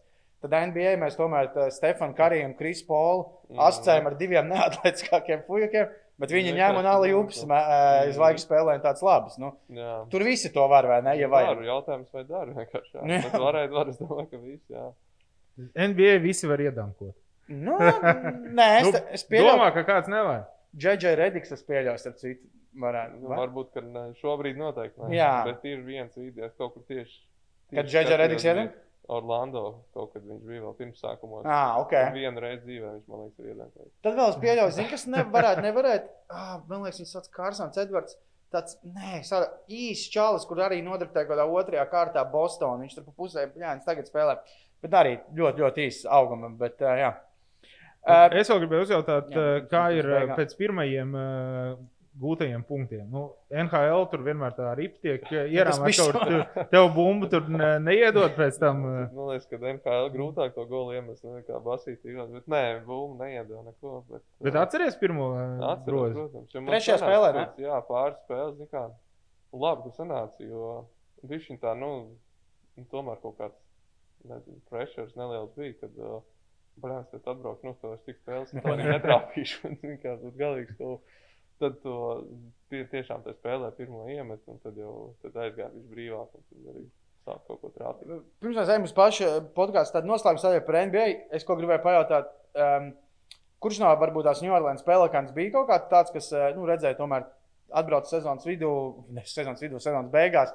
Uh, bija kāds uh, spēlētājs, komandas kurš tā bišķi paņēma tā kā, zem, nu, kā, kā ASK Sāns Valders un teica, "Ah, nu, re, kur te noteikti tā, starp citu, šito atstāja tur. Tur jāiet ar šitiem, kurš kaut kā tās palīdzēja ar tādām lietām, lai saprastu. Starp citu, jau bija, Dar, Darījus Millers spēlēja, mm Mhm. -hmm. kas ar Jānu kopā Bambergā bija spēlējis. Un, Un tad arī viens pret otru bijām spēlējuši. Jā. Jā, Eirolandā. Plus mīnus tā kā zinājām. Nu, viņš viens no tiem, kas varbūt pastāstīja, kā tur nu, komandā iekšā nevis vairāk vai mazāk notiek. Bet, nu, arī nekas tāds, nekas tāds īpašs nebija, ko, ko stāstīt. Viņš jau bija plus mīnus. Un uh, vēl es gribēju, man patika, ka tu pēc NBA, ka tu tā arī godīgi to stāstīji, laikam, kad tu tikko biji atbraucis. Uh, man liekas, arī paši pie Rēņoģinieku uh, par spēli pret Houstonu. Tiešām bija tā, ka uh, Kris Pols tā uh, saprata, ka tu esi viens pret viens kaut ko tādu pateicis. Un... Tieši tā arī bija. es teicu. Ko viņš tev tieši pateica? Nu, Neko, nu. And you, boy. Un viņš es vēl sāku pastījos, un viens nenāk nekādu pikīšu spēlēt. Nu, kā tur samainīties, lai kāds cits viņu sēd. Es domāju, ka jā, es te būšu tuņās kaut kas. Nu, viņš bija ātrs, jā. Nu, super ātrs. Galvenais, ka es tā savācos tiku līdz uz vienu, uz otru, uz trešo. Es domāju, viss normāli. Šeit uztaisīt step back, man. Un. Vēl uzskatu vēl virsū. I'm one. Ideāli. Okay, uh, noslēgumā uh, daži jautājumi. Uh, es gribēju pajautāt, pirmkārt, starp citu, šogad runā no, par VF leģionāriem, kad ir labi trāpīts. Tu esi kaut kādā VF spēlē paskaidrojis. Jā, es sekoju, protams, līdzi. Jā, nu- Super spēlē šogad, tā ka Jā. tiešām labi basīt, prieks skatīties. beidzot tikuši ārā kaut, kaut, no kaut kādas grupas, kas Latvijas klubiem ne, Jā. nebija sen izdevies. Bet Jautājums, es pat nesaku no VF uh, laikiem vai no pat tavas spēlēšanas laikiem. Kas tev, kad augot, kad tomēr mazāk varēja sakot līdzi NBA, un tad bija tā Latvijas basketbola līnija, vai zem Baltijas basketbola līnija. Tev ir kāds, s- kas tev no spilgtākais no spēlētājiem, kas ir spēlējuši kādā Latvijas klubā, kas tev ir palicis atmiņā, ka liekas, ka wow, šis ir tajā. Tā kā no leģionāriem. Jā, nu, piemēram, jā, no Jā, leģionāriem. es zinu, ka man Ivar Liepas plakāts bija mājās. Ah, ok, arī ļoti labi. Jā. Bet, uh, nu, no leģionāriem. mhm. Jūs esat pats Chatmans. Nu. Nu, jā, laikam tieši es par viņu domāju, ka, nu, nu kā, nu, mīlēts, bet tad, tad viņš jau, es jau biju. Nu, tur tā jau biji klāt, jā, nu, bet viņš tāpatās, tā pirmā gadā, ja viņš bija diezgan, nu, tāds, man liekas, viens no Ne, piemēram, kā, iespaidīgākajiem. mēs esam līdzīgi vecumi, un tad varbūt tās, ne, man, man, protams, ka ir palikuši tie tur, tas duets, kas bija uh, brocēnos. Jā, Simons un Fergusons. nu, tas bija- Bet tie bija pirmie vispār tādi, mēs tad apmēram jo tur, skatāmies, un mēs tā arī var spēlēt, tā drīkst darīt, jā. nu, jā, jo tur bija apmēram tā, ka, kā, es aizēju tur, nezinu, ar tēvu, krustā, un tad viņu tagad var tos video redzēt, ka viņi uzmet viens otram to ala jūpu. Mm. Un kad tu tas bija tēti kaut kas tas ir, un teica, nu tā, es nezinu, es Neesmu redzējis tādu. Es nekad redzēju, es Bet uh, interesanti, vai, nu, vai viņi tiešām ir tādi, kā mums visiem uh, paliek Vai vienkārši atmiņā, uz ka- to brīdi? Jā, vai tas tāpat kā tagad skatīties glābējs, vai nu nav baigi interesantais seriāls jau vairāk. Es nezinu, var vienkārši vajadzētu, man liekas, atrast kaut kādu vecu viļņu, un gan jau, ka ir. Ir, ir, ir, bet- Kasetēs noteikti. Un, un tad reāli apstīties ar to šodienas skatu, kāds, kāds tas basīt un kāds tas kopējais līmenis vispār bija. Un tad es domāju, ka varētu arī. Bet, saprast, zini kā, man liekas, kas ir tomēr pierādījums, ka viņi bija labi spēlētāji. Jo viņi nav jau tā, ka viņi spēlē komandā tur ar amet, nu, viņiem komandā bija tāpat tās nu, bagāts, tajā kas labs, labi uz nu, viņu tā, nu, protams. izskatījās labi. Nu, līdz ar to laikam jau, viņi bija labi. Uh, tad arī visā vēl tiešām pāris īsajā jautājumā. Uh, uz lielā fona daudz kas kurtinājuši Butautas tur Spānijā. Kas ir treneris, kas tev ir palicis atmiņā kā tāds, nu, pie kura, nezinu, tu varbūt tās vēlreiz gribētu uzspēlēt, vai kas, nu, jā, kas tev spilgāk no treneriem palicis atmiņā? No No taviem. godīgi, godīgi man divi jāsaka. Būtēls noteikti ir viens no tiem, jo pie viņa sanāca gandrīz trīs. Jo Kurtinēts tev aizbraukt divu pus sezonas nospēlēt. Bet tā ASK jau arī bija. ASK arī, bet tur es baigi daudz Nu nespēlēju kopumā. Bet, bet tieši sanāca, ka mēs bijām ASK kopā bijuši un pēc tam, kur arī īstenībā viņš man deva iespēju tāpat kā jaunajam. Nu, mm -hmm. diezgan. Bet, nu, arī jāsaprot, tas sastāvs tomēr bija pietiekami labs, un tur tā savu vietu bija jāizcīna. Jā, un pēc tam mēs satikāmies un pirmkārt, pirmkārt tas arī, man liekas, man bija tas vecums, tur no 18 līdz 21, varbūt tie 3 gadi, tā diezgan liela starpība. Jā.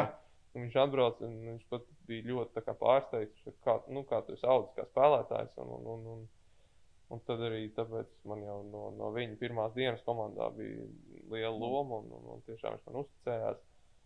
Un otrs ir uh, Sito Alonso, kas man bija divus gadus Spānijā pēdējos, mm, kurus arī tīri personiski vislabāko basketbolu spēlējis. Tīri, nu, tā kā no, Kā tiem no- no latviešiem ir savas- tie Bilbao? tie Jā, un, un, un, uh, un arī izbaudījis tieši vairāk to spēlē. Jā. Paši vienkārši vispār kā basketbols. Vispār kā nu, kopā, jā. Super. Nu, un tad no manas pēdējais jautājums ir uh, uh, divas lietas, ko tu vēl uh, karjerā kaut kādas tādas, uh, gan ar klubu, gan ar izlasi. Kas ir tas, ko tev liekas, uh, un nevajag nu, tur celt, tur tāds izcīnīt visus titulus, vai bet tādas reālas lietas, ko tu gribētu vēl karjerā sasniegt klubu līmenī, un ko tu gribētu sasniegt uh, ar Latvijas izlasi vēl. Nu, arī izlases, beidzot, tiktu uz tādu lielo čempionu. Vēl atcerieties, kā Nu, pasaules čempionāts tas ir. Nu, nu, nu, nākamo, jā, nu, tas tāds tuvākais, un tam jābūt mērķim. Tiešām, nu, neko nebūvējot, nekādu, es varētu teikt, vinēt pasaules čempionātu, bet mums no sākuma jātiek. uz to. Mhm. Un, un, un klubos, nu, kā, nu, man negribētu to domāt, ka viss. Es neesmu tik vecs. kā Nē, es jau saku, kaut tik, pēc pie- Nē, nē, pēc, pēc tik sūdīgas sezonas varbūt, bet tāpat tās laiks man vēl ir. Uh, tik kādā arī nu, normālā Eirolandes komandā, kas reāli cīnās. Nu, tikai Nevis- par playoff, bet, bet varbūt. Teiksim, jā. Ah, jā, un par tituliem. Latvijas tituli ir bijuši vairāki. Es izcīnīju uh, Itālijas titulu. jā. Uh, kas tev no visiem tituliem, arī nezinu, vai medaļu U18, uh, kuru tādu panākumu tu atceries uh, savā tā, nu, komandas panākumu? Nu, viss saldāk, kas ir tev tāds palicis atmiņā, kā tāds uh, saldākais. Vai Nu, arī droši vien. Uh, Nu, kā, nu, visi arī nebūs vienādi. Viņus, nu, pirmā, saku, 18 bronzas. Tas vispār arī tajā laikā pirmā komanda, kas vispār, kas vispār to izdarīja no Latvijas. Un, un, un tas, tas bija tāds, nu, wow, kas vēl Mhm. joprojām ir palicis atmiņā. Uh, tad pēc tam noteikti ar VF pirmā čempionu titulu. Tas šausmīgi grūti nāca. Mums bija septiņas spēles. Septiņas. Tā bija tas slavenais, kad zāle ciet. jā. Uh, Jo es, mums bija daudz traumas, nu, mēs reāli mocījāmies. To es jā. Beigās izmocījām.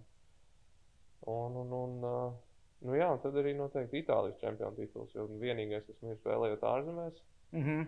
un tas arī nebija viegli. Bet, uh, bet, uh, Lai gan likās, kā Itālijā, Milānā, tad pārējās komandas, bet nu, Jā, tāpat tās. Uh, Ja paskatās pēdējo kaut kādu tur desmit, nu, nav tā, ka Milāna nu, katru jā, gadu bet, nu, ar bet, nu, viņus- vajadzētu tā būt teorētiski. Bet tā nav. Bet, tā. jā, bet tas ir palicis atmiņā. Tas arī tiešām grūti. Un es tāpēc, varbūt, kad, tieši tajos plēsopos arī es pats daudz un ļoti labi spēlēju. Man liekas, ka kaut kas man sūtīja pēc tam, kad vēl joprojām nesot. uh, Tas ir uh, Itālijas plēsopu rekords. Uh, procentā 3,56 vai kaut kas tamlīdzīgs. Ā, visu play-off garumā? Play-off garumā, Oh, ne tikai wow. finālā, bet play-off. Jā. Tā kā Tā Ar visu to, ka nu, jā, pats daudz spēlēja, labi spēlēja un, un, un vinējām. Tas bija tāds. Super. Nu, tituli ir. Tev vēl ir jautājums? Nē, man šķiet, šis ir eh, man visu laiku sliktākais podkāsts, kas man nepatīk visvairāk, jo man liekas, mēs varētu runāt un runāt un runāt vēl, un tāpat visu tā problēma, jā, neizrunāt. Jā. stāstīt. Aklo, tāds tīri tev prognozes. Es zinu, ka par brāli un tā. e, e, Kāds tu lietas, nu, dāvi komandai aizcersies mazliet plēnam? Ir domā, vai grūti tagad atkal? Nē, bet nu, tāpēc, kad ir tas plēns, es domāju, ka Var viņiem arī viņi tur vinēja, nezinu, 8 no 11. Un viss atpakaļ. atkal 3 zāli. Tagad atkal vinēja labāko līgas Līgas komandu. komandu. Nu, Jā, nu, tā kā nevar Tur neko nevar saprast, vai ne? Vispār nevar saprast. Bet nu, tur, man liekas, jo, jo mazāk Westbrooks iemet, jo vairāk viņi vinē. Tā kā viņam ir 10 plus 10 plus 10. Tas viņam, man liekas, ir labākais. Tad, tad, tad komanda vinnē, tā kā viņam ir tur, nezinu, 30 plus 10 plus 10, tad komanda zaudē. Nu, izņemot šo šo- likt to švedu šablonu virsū viņam arī. Bet es pilnīgi piekrītu, ka viņš ir eh, ļoti līdzīgs. Tur varētu Jā, arī viss būt. jo. Bet to, ko gan visi saka, kad uh, tieši tāpat kā par švedu, nezinu, uh, cilvēks laikam, ka tāds tīrs strādīgs. Jā, jā, nē, ļoti. daudz arī teica, ka ļoti, ļoti tāds labs komandas biedrs. Un, Mhm. tā kā, Nav vinda. Galīgi. nu. Klau, nu tad noslēgumā varbūt par to, ko tu pats plāno tuvākajā laikā. Tu teici, tagad tikko pēc uh, treniņa šodien.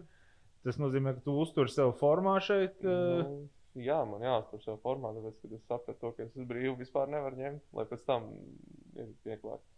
Bet, eh, nē, es domāju, to režīmu tādu arī uzturēt. Nu, spēlēt es īsti laikam vairs nekur neuzspēlēšu. Šo sezonu skatītāji. nē, uh, lai gan ir, uh, ir vietas un ir līgas, kur var arī plēsofos pievienoties komandām.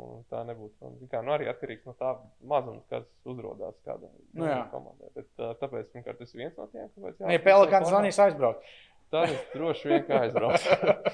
un, un, un otrs ir, uh, jā, vienkārši tā kā līdz tādām ierastām sezonas beigām, līdz kaut kādām, nezinu, tur māja beigām, tiešām trenēties tādā plus-minus, lai būtu tā kā sezonas režīms, tur zālē paskatieties variņos, lai, lai, lai pēc tam ņemtu kaut kādu pauzīti un tad gatavotos atkal nākamajai sezonai.